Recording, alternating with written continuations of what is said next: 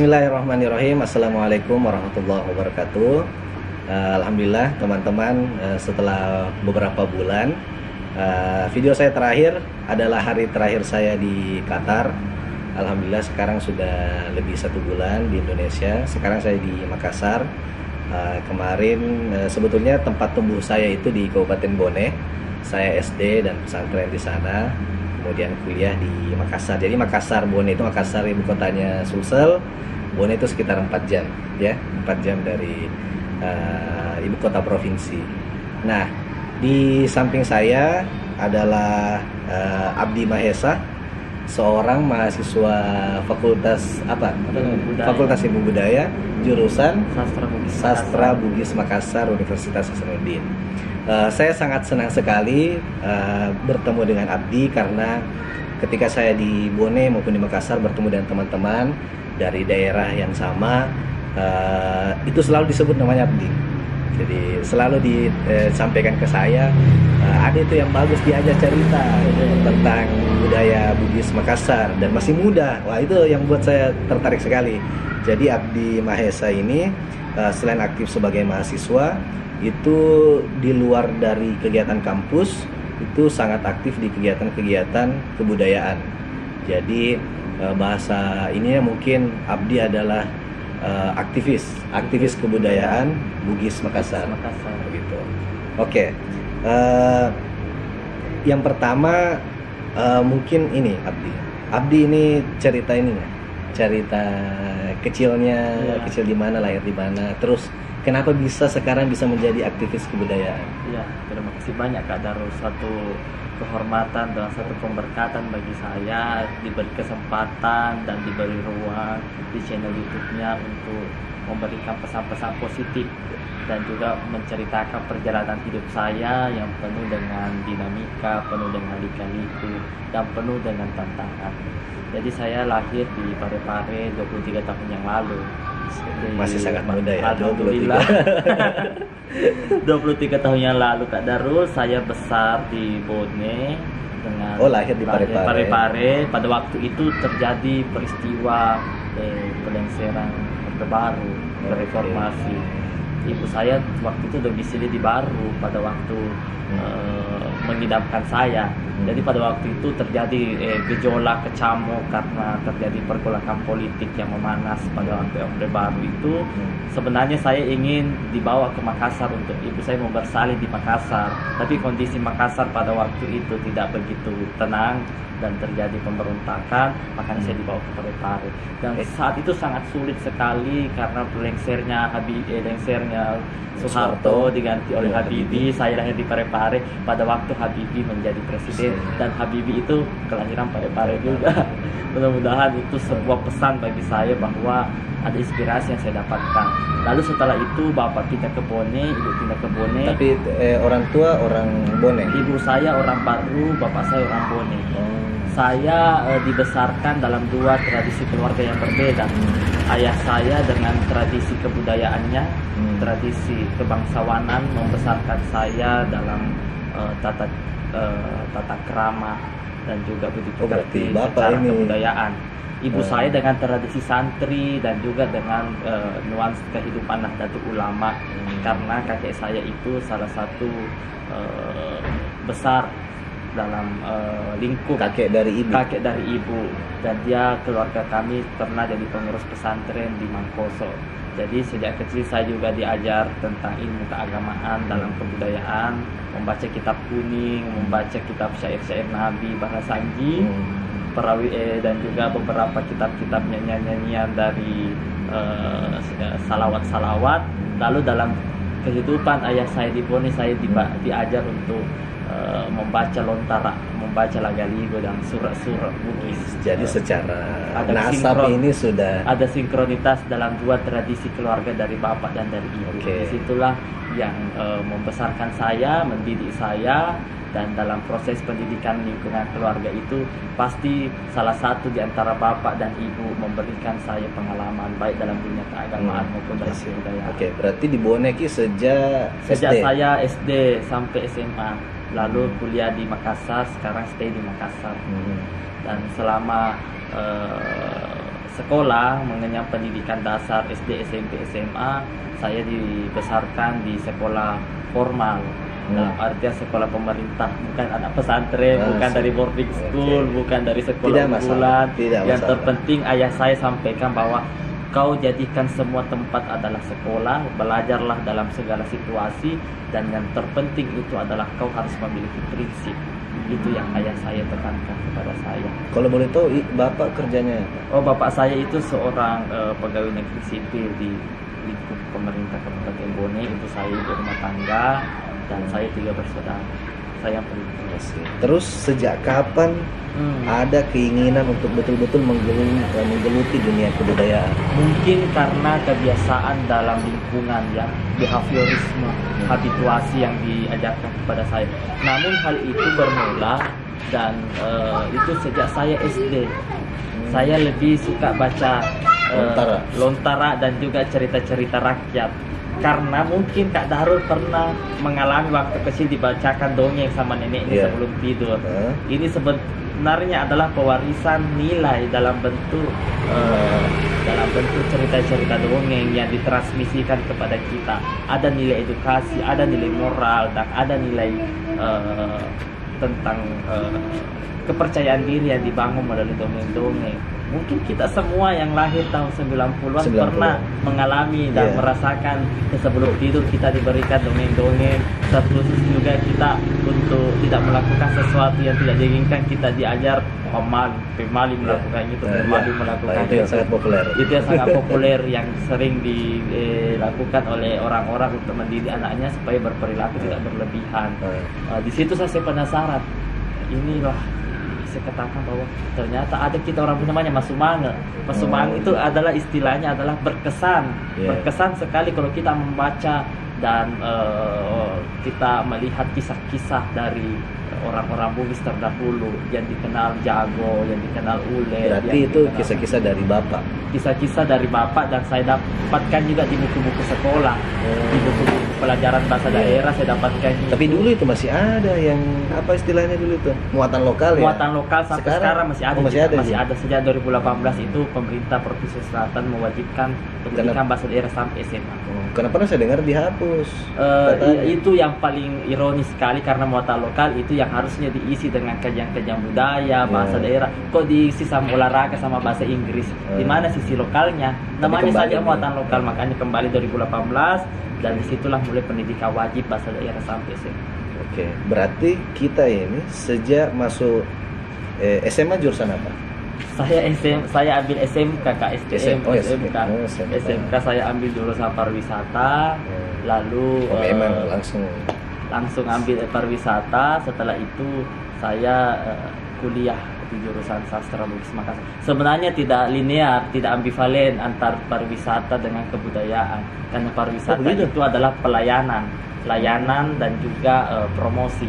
Sedangkan kebudayaan itu bukan layanan dan promosi tetapi justru memelihara merawat mengembangkan dan merestorasi.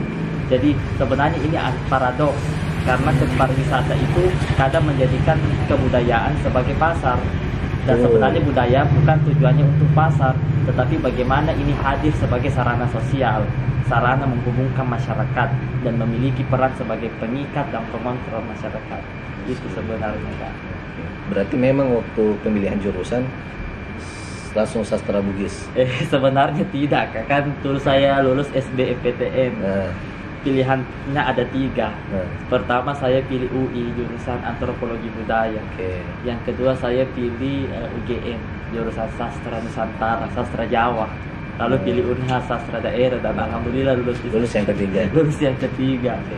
Tapi itu beasiswa di yang jurusan itu. Eh, salah. tidak kak, saya sebenarnya kak Darut kalau mau cerita, saya memiliki sisi kelam selama SMA sebagai seorang pelajar yang mengenal jati dirinya. Oh. Eh, kita hidup ke- kenakalan Ya, remaja, kenakalan remaja, tidak pernah masuk sekolah, balapan liar, nge- apa bolos segala macam tawuran. Ya. Di situ saya mulai mengubah mindset saya sejak kuliah bahwa Hmm. saya bersyukur diberikan kesempatan oleh Tuhan Ya, untuk ya. membangun diri saya. Kalau saya tidak berubah Hmm.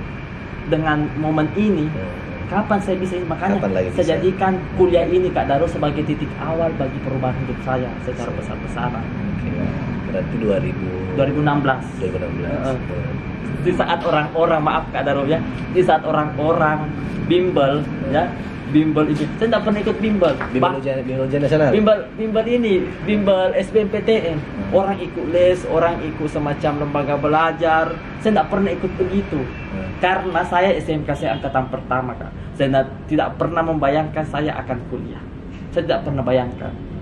Saya tidak pernah bayangkan saat lingkungan teman saya itu adalah dalam tanda kutip adalah eh, eh, pemuda yang terbelakang dalam artian secara eh, aktivitas-aktivitasnya tidak ada cerminan-cerminan orang moralitas kak Iya, Toh, iya. eh, lalu diperhadapkan sama saya kadang saya merasa insecure lihat dari SMA SMA yang eh, maju di Bone SMA SMA boarding school SMA SMA modern saya terkadang insecure kapan ya saya bisa begini Iya. kapan ya saya bisa maju Iya. di situ saya mulai giat Iya. bahkan Kak Darul saya lihat itu eh, teks ulang ujian SBMPTN itu Nah, itu yang dari tahun sebelum tiga hari sebelum ujian. Baru saya lihat ternyata susah sekali. Di situ saya mulai giat belajar giat belajar dan alhamdulillah saya tidak nyangka saya lulus. Dan saya percaya bahwa Tuhan memberikan saya jalan. Jalan. dan dari situlah saya harus uh, merefleksi perjalanan saya dan saya jadikan momen mahasiswa ini sebagai titik balik dalam kehidupan saya. Dan yang paling penting adalah saya terlahir uh, dalam kapasitas bukan sebagai anak pintar bukan sebagai anak berprestasi dari sekolah yang tidak begitu Tidak ini juga lah. populer di Nah, Bone nah. Uh, dan itulah yang menjadi ini makanya saya memiliki visi misi bahwa uh, saya harus menyampaikan kebudayaan bagi teman-teman yang kemarin setongkrongan saya, seperjalanan saya Hmm. yang belum merasakan pendidikan, belum Iya. merasakan kebudayaan. Inilah tujuan saya untuk Berarti teman-teman itu yang di SMA SMP, SMA, SMP, circle, SMA circle itu saya itu pasti nalihat ki berubah sekali. berubah sekali. Di situ Hmm. saya memulai uh, mengubah arah pemikiran saya menjadi lebih pada hal-hal yang dianggap penting karena saya pikir bahwa momen kuliah adalah Allah memberikan saya keselamatan di masa depan dan itulah yang saya jaga baik-baik dan saya harus tetap tawadu dan saya harus mengingat ke belakang bahwa saya ini bukan dari uh, siswa yang pintar, siswa yang berprestasi, Hmm. begitu kak. Nah, terus eh, itu kan yang saya lihat kan waktu dikasih tahu Abdi Maes. Iya. Saya mulai cari-cari. Iya. mulai stalking kan, Iya, lihat media sosialnya, wah luar biasa. Setiap ada hari jadi bone, Iya, Abdi ada di situ. Eh, dari situ saya berpikir, jangan-jangan Abdi ini sudah diangkat jadi duta, duta Eh, budaya kah, duta pariwisata, apakah Eh, begitu. namanya? Terima kasih Kak Daru. Saya ini tipikal orang yang tidak mau terikat secara legal melalui peran Institusi. institusi atau Hmm. dalam bentuk label. Hmm. Saya mau hadir dalam setiap ruang, Hmm. setiap keadaan, setiap situasi dan setiap orang. Saya hadir untuk semua orang dan mengabdikan diri saya karena saya tahu rasanya sebagai orang yang terbelakang pada waktu SMA. Susah mengakses pendidikan, susah mendapatkan teman-teman yang pintar, susah memperoleh kesempatan seperti teman-teman yang beruntung. Serius Kak Darul ya. Susah teman. Susah teman yang pintar karena mereka memandang saya sebelah mata. Memandang. Saya saja SMP, Kak, saya kelas HIJ. Kelas HIJ pada dulu ada akselerasi, ada unggulan, ada ABC. Saya kelas HIJ. Di situ saya sadar itu jadi titik balik bahwa saya harus hadir pada semua orang tanpa membeda-bedakan Hmm. sistem egaliter. Dan itulah yang membuat saya jadi prinsip sekarang siapa pun yang panggil kau apa pun latar belakangnya apa pun kapasitasnya dan apa pun statusnya kau harus datang untuk dia karena saya adalah orang yang memiliki eh, selera yang humanitas kan orang sosial. Iya. hadir bagi siapa saja yang ada. Dan bukannya kita menyebarkan kebaikan tanpa mengenal sekat-sekat Ya, begitu betul, kak ya. Betul. karena saya ketakutan saya kak saya terjebak pada sistem ego saya menganggap diri saya lebih ini makanya it's eh, secara Apakah ini- pernah ditawarkan menjadi duta atau pernah ditawarkan kak namun saya menolak saya tidak mau terikat sama hal apa pun dan saya tidak mau dilabeli dengan eh, standar apa pun karena menjadi duta itu bebannya besar amanahnya besar Tapi siapa tahu orang yang dapat lebih ini lebih tidak em, eh, banyak yang seperti itu. Makanya tugas saya adalah mengingatkan mereka, mengingatkan Hmm. mereka karena eh, secara ini juga saya tidak bisa jamin bahwa saya amanah dan saya Iya. bertanggung jawab ketika diberi- Dikasih diberikan diberikan status. status seperti itu. Kak Darul. Oke. Eh, fast forward ke skripsi. Iya, Karena terakhir kita ketemu kita membahas skripsi. skripsi. Nah, jadi uh, saya tertarik sekali ketika bertemu dengan Abdi di salah satu acara ya waktu iya. Ramadan, Ramadan kemarin. Uh, Ramadan kemarin buka puasa di uh, junior saya yang yang ternyata juga dekat dengan Abdi.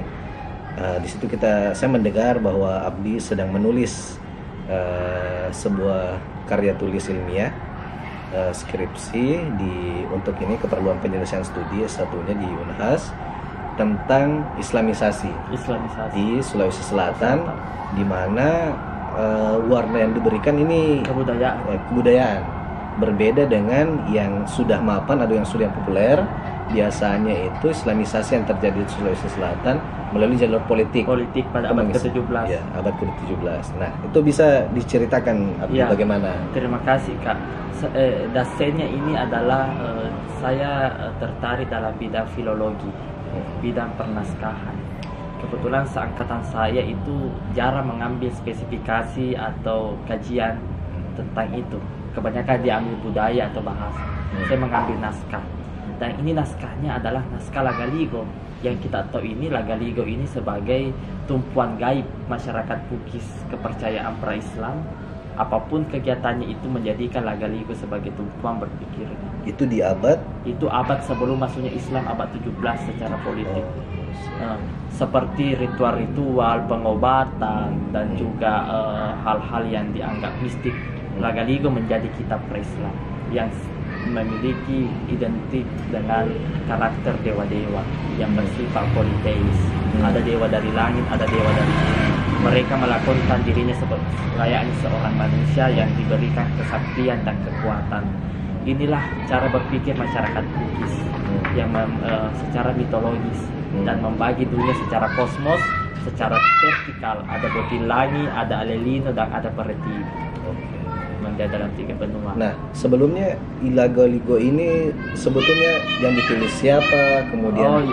yang Awalnya sampai Kak. diteliti sama Abdi itu. Awalnya ini tradisi lisan, lalu eh, diawetkan dalam bentuk teks atau tulisan. Hmm. Jadi ini sistemnya cukup lama. Awalnya ini lagu-lagu ini adalah tradisi lisan, tradisi tutur yang dilantunkan atau didendangkan. Lalu setelah penemuan teks, penemuan aksara, ditambah lagi dengan penemuan media tulis yang diperkenalkan oleh Belanda berupa kertas, di situ mulai ada proses penyalinan-penyalinan. Kebetulan skripsi saya ini eh, saya temukan di arsip saya eh, dapatkan dalam koleksi arsip nasional di Tamalan Rea dan di dalam bentuk mikrofilm Di mana itu? Di Makassar. di Makassar dalam bentuk mikrofilm yang tersimpan dalam eh, kaset seperti Kalise. Cara bacanya melalui microrider dan Hmm. menurut informasi dalam katalog naskah ini berasal dari Sopeng dan disalin oleh seorang bisu di sana. Eh, isinya tentang ad- namanya Takgilina Sinapati. Takgilina itu adalah beralih atau berubah. Sinapati itu adalah tatanan, tatanan kepercayaan masyarakat Bugis. Iya. Dan ini yang paling utama adalah pintar sekali itu para ulama-ulama atau pendakwah atau pada balik bagaimana dia membangun paradigma keislaman melalui pintu-pintu kebudayaan. Padahal kita tahu bahwa orang Bugis Makassar itu orang yang sangat fanatik dalam beragama Ya. atau dalam berkepercayaan. Di situlah kemahiran ulama-ulama dalam menyebarkan agama Islam karena mereka memasuki nurani dan juga kepercayaan masyarakat Bugis melalui sastra. Hmm. Ja- sastra. jadi yang didapat oleh Abdi di teks Lagaligo yang Ya diteliti kaji itu ada episode Islam di dalamnya, utamanya muatan tauhid. Di situ tidak menyinggung tentang syariat, belum ada syariat. Di situ menyinggung tentang tauhid, pertemuan antara kebudayaan dan juga agama, religi secara eh, tauhid. Hmm. Itu prosesnya begitu eh, damai. Tidak ada perang, tidak ada penaklukan, yang ada sangat damai. Di mana dewa-dewa yang ada di langit melepaskan kekuasaannya, ber, eh, meninggalkan bumi dan dia ditempatkan di sebuah tempat yang bernama Matalete dan juga eh, ma- eh, apa eh, Matalete dan Saliwelangi yang dalam bahasa Bugis tanri dapi opi lipuna tanri atani lapa adana artinya suaranya tidak lagi didengar dan kekuasaannya lagi tidak bisa dijangkau. Tempatnya Hmm. sangat jauh. Dan di situ langit tujuh lapis dibersihkan dan tanah yang tujuh susun akan disucikan karena akan ada nabi yang akan memimpin manusia eh, sampai hari akhir di Hmm. situ eh, dewa-dewa di langit berpesan kepada manusia kalau kau ingin mengikuti saya ikutilah Nabi Muhammad. Wah, ada disebut Nabi disebutkan Muhammad. Nabi Muhammad dan tauhid yang ada di situ saya melihat ada tiga. Pertama di situ dia bercerita tentang nasangati natolinoi makada asyhadu an la ilaha illallah wa asyhadu anna muhammadar rasulullah. Di situ secara tertulis Ada itu syahadat. ada syahadat tapi bukan dalam tulisan Arab Iya, tapi betul. dalam tulisan Bugis, lontar. Nah, di situ asyhadu. Yang kedua itu ada eh, formula atau istilah yang menarik namanya sifat 20. 10 nawarekengi patotoe 10 to nawarekengi datu palingnya. Artinya ada 10 sifat dari patotoe dan ada 10 sifat dari datu palingnya yang istrinya yang itu disebut dengan sifat 20. Sifat 20 itu adalah 20 sifat wajib Allah. Seperti kidam, baka, wujud, segala macam itu ada 20 seterusnya. itu. Dan yang ketiga itu adalah menyinggung kitab Purakani. Lontara Purakani. Lontara Purakani di sini adalah Al-Furqan. Disebut Oh. Purakani karena sistem pelafalan kita bersifat silabis jadi tidak mengenal sistem konsonan pada akhir.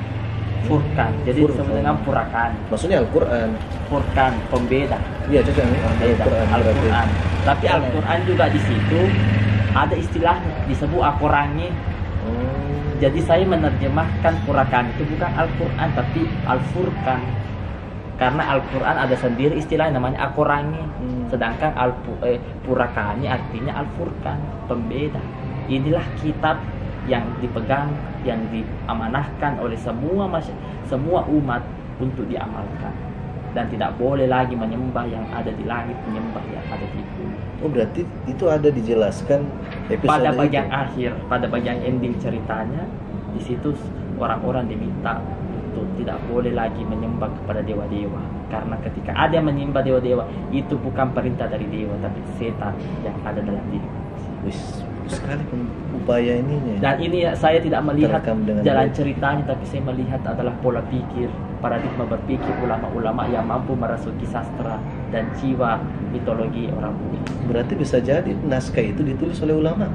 Saya yakin seperti itu dan saya eh, pastikan itu ulama yang Tapi bahasanya kan disesuaikan bahasanya dengan- bahasa Bugis karena saya yakin bahwa Islam Sulawesi Selatan itu adalah Islam yang damai dia masuk secara damai. secara kebudayaan Hmm. dan belakangan secara politik ini ada namanya musuh sele yang Ah. dilakukan oleh Sultan Malik Hussein dengan Raja Bone Hmm. eh, Lama Daremeng namanya musuh sele Buntu Kasalang yang dikatakan para sejarawan sebagai jihad pada waktu itu. Ya. dan saya lihat bahwa jihadnya orang Bugis Makassar juga penyampaian jihadnya tidak mengatakan pergi kau perang. Kalau mati kau, kau mati syahid. Dia tidak mengatakan begitu. Dia katakan bayangkan sirina agama iya. Pun amate kau materi santangi kau materi kau itu yang disampaikan oleh Raja Goa kepada prajurit-prajuritnya untuk menyerang artinya tegakkanlah harga diri siriknya agama kalau kau mati kau mati seperti manisnya gula dan gurihnya kelapa. Itulah konsep mati syahidnya orang Bugis itu yang dipakai konsep jihad untuk memerangi Bone yang pada waktu itu belum menerima Islam Berarti- politik. Yang yang saya dapat, yang saya garis bawahi di situ Abdi, eh, bahwa siri itu di, di, disam- apa, didampingkan dengan keimanan. keimanan karena orang yang tidak beriman orang yang tidak memiliki siri Wah, itu itu di sekali itu. ketika engkau beriman berarti engkau menegakkan siri. Siri kepada Tuhan Ya, betul, siri, siri kepada manusia dan siri kepada diri sendiri. Jadi ada kajian-kajian tasawuf di Bugis itu. Mereka mujepu puamu mujepu wali. Ketika engkau mengenali dirimu berarti engkau Ah, mengenali arafa nafsahu arafa rabbahu. arafa rabbahu awalu di ma'rifatul sistem ma'rifat dan itulah yang dikembangkan makanya ma- berkembang tarekat-tarekat dari eh, Syekh Yusuf salah satu Raja Bone yang mengembangkan itu namanya Latan Tapuk yang menciptakan kitab yang disebut dengan Tajam Patiroang atau Nurul Hadi yang isinya tentang eh, pesan-pesan keimanan, pesan-pesan keislaman. Saya menganggap bahwa kehadiran Islam di Sulawesi Selatan itu menambah kebudayaan, bukan menghilangkan kebudayaan. Betul. Islam Sulawesi Selatan itu adalah Islam tipologi yang bukan dari masa, bukan dari aliran, Hmm. tetapi ekspresi-ekspresi kebudayaan dalam mendukung Islam. Hmm. Puri adel eri pasan dari saraya. Jadi ditegakkan oleh adat dan disandarkan pada agama. makanya Apa tadi? diulang tadi ripat tupuri ada eh ripat sandre risarang ditegakkan oleh adat dan disandarkan pada agama makanya dulu kak pengambilan keputusan di kerajaan tidak boleh diputuskan kalau tidak ada peta kali peta kali ya? Peta peta kali itu kadi kadi maksudnya kadi, apa? Kadi. oh berarti di struktur dulu itu. Memang kadi yang dimaksud adalah ahli Ahli agama, makanya ada mengatakan itu syehna tasopie eh, eh, apa ada itu eh, kitab itu isinya tentang eh, syehna tasopie panrita orowagi ada si itu sih panrita orowagi itu adalah ahli yang fikih. Hmm. orang eh syekh atau sopi syekh para fikih jadi ada sistem yang begitu yang dirawat dalam eh, ruang-ruang dan eh, sudut-sudut Oh, i- pemikiran oh sangat wajar karena eh, kalau kita tadi yang milih itu berarti sebelum ini ya, maksudnya masyarakat Sulawesi Selatan itu sudah mengenal Islam sebelum rajanya, sebelum politik itu abad sebelum 17, sejarah politik. ya. sebelum kedatangan tiga datu datu Ribandang datu Ditiro sama eh, datu Patima itu. Hmm. ke Luwu sama ke Bantaeng sama ke Goa. Hmm, lebih dahulu ada Islam. Sudah ada, sudah dikenal. sudah dikenal. Dan proses transformasi Islam itu melalui jalur tauhid kepercayaan baru pada syariat tapi saya melihat kan tipologi dari tiga datu ini yang menyebarkan Islam pada abad ke 17 1500 awalnya di Luwu setelah mendapat restu dari Luwu baru kedua datu itu datu Fatima datu Ditiro sama datu Ribanda itu baru ke Goa Kenapa di Luwu bukan Awalnya langsung di Luwu kan di Luwu sangat kental dengan keyakinan leluhurnya dan dijadikan sebagai kerajaan tertua, kerajaan dituakan dan kerajaan sepuh sehingga di situ eh, ketiga dat itu saya tiba dulu di situ. Baru dibandingkan gua Goa sama eh. Bulukumba. Baru setelah itu mendapat lampu hijau dan persetujuan dari Datu Luwu. Datu Luwu Hmm. lalu mengatakan bahwa alat birengeri Luwu, awatan ngeri Goa. Kemuliaan di Luwu dan kesukaran di Goa. Jadi ketika kau berhasil menak- mengislamkan Goa, Hmm. sudah masuk berhasil kau mengislamkan kerajaan-kerajaan Bugis lainnya. Karena Goa dikenal memiliki kekuatan yang besar pada waktu itu. Dimasukkanlah Goa. Yang Islam di situ bukan Raja Goa tapi Raja Talo yang bernama Imalingka Andemanyore Sultan Abdul Awalul Islam. Di situlah ada Islam pertama, baru Sultan Alauddin oh duluan Talo Talo. Karena ke, keponakan ke Sultan Alauddin. tapi nanti eh, Talo dengan gua bersatu Eh, iya, tetap secara pemerintahan dia bersatu karena Raja Goa dari Talo menjadi Mangkubumi. Baru masuk ke Banta eh Bulukumba oleh Datu Ditiro yang dikenal di Bulukumba itu terkenal dengan ilmu-ilmu tarekatnya, ilmu-ilmu eh, Hmm. hitamnya, ilmu sihir dari masyarakat oh Islam. di Di, di Bulukumba. Bulukumba itu Jadi pintar ini ulama-ulama masuk Menyesuaikan ke tempat yang sangat strategis. Dia masuk ke betul-betul berarti cara dakwahnya itu memang melihat menyesuaikan, kondisi, menyesuaikan dan kita beradaptasi dengan itu. Makanya kita ini Islam yang Selatan itu pengenalannya melalui jalur tasawuf, Hmm. pengetahuan. Karena proses mengenal Tuhan itu harus melalui proses pembatinan. Pembatinan, dan begitulah juga dalam Lagaligo proses mengenal dewa itu harus melalui proses pembatinan secara materi melalui baca-baca Hmm. melalui mewujudkan doa-doa dalam bentuk materi lalu doa-doa itu akan terbang melalui asap asap itu akan hilang. Itu penggambaran itu penggambaran dari berwujud menjadi tidak berwujud begitu kan jadi dulu ada istilah namanya eh mapendek di bulu eh mapendek di rakyatnya menyajikan sesajen ya. di atap rumah, Rumah. atau di atas gunung Iya. sekarang terganti menjadi mapendek di bola iman membawa makanan di rumah iman sebagai tanda syukur menghatamkan Al-Quran jadi orang mapan reteme itu bawa makanan di rumahnya imam ya. ada namanya mapano risalo dulu orang selalu menurunkan sesajen melarung ses- sesajen di sungai atau di laut Hmm. setelah masuknya Islam mapano ri masih gini mapano itu adalah membawa makanan ke masjid Ya, dimakan rame-rame. dimakan rame-rame Isra Mi'raj Maulid. Maulid atau buka puasa dan kita orang Bugis kebudayaan kita kebudayaan bersifat sosial dan rasa syukur itu harus dirasakan secara sosial bersedekah jadi kalau mak baca-baca mak baca-baca itu eh, Sebetulnya bukan membaca. untuk- bukan untuk dewa-dewa bukan untuk leluhur tetapi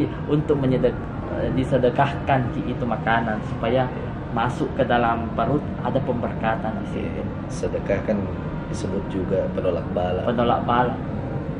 Jadi sebetulnya bukan nih itu kemudian namakan oke eh, karena kamera yang satu lobet pemirsa jadi kita pindah. Tadi sampai di eh, apa tadi itu? Pemberkatan pada Ya, pemberkatan. Islam. Ya, tentang itu, tentang sesajen ya, Ya, yang banyak disalahpahami orang sehingga dianggap sh- Syirik, eh, praktek-praktek syirik dan seterusnya. Oke, yang terakhir eh, kita apa nih pesan-pesannya Abdi tentang eh, terhadap eh, milenial lah, Ya. milenial Bugis Makassar. Pertama ini, kebudayaan. pertama ini kak adalah kita sekarang sudah ada pada zaman Edan dalam peradabannya mutakhir di era yang modern ini.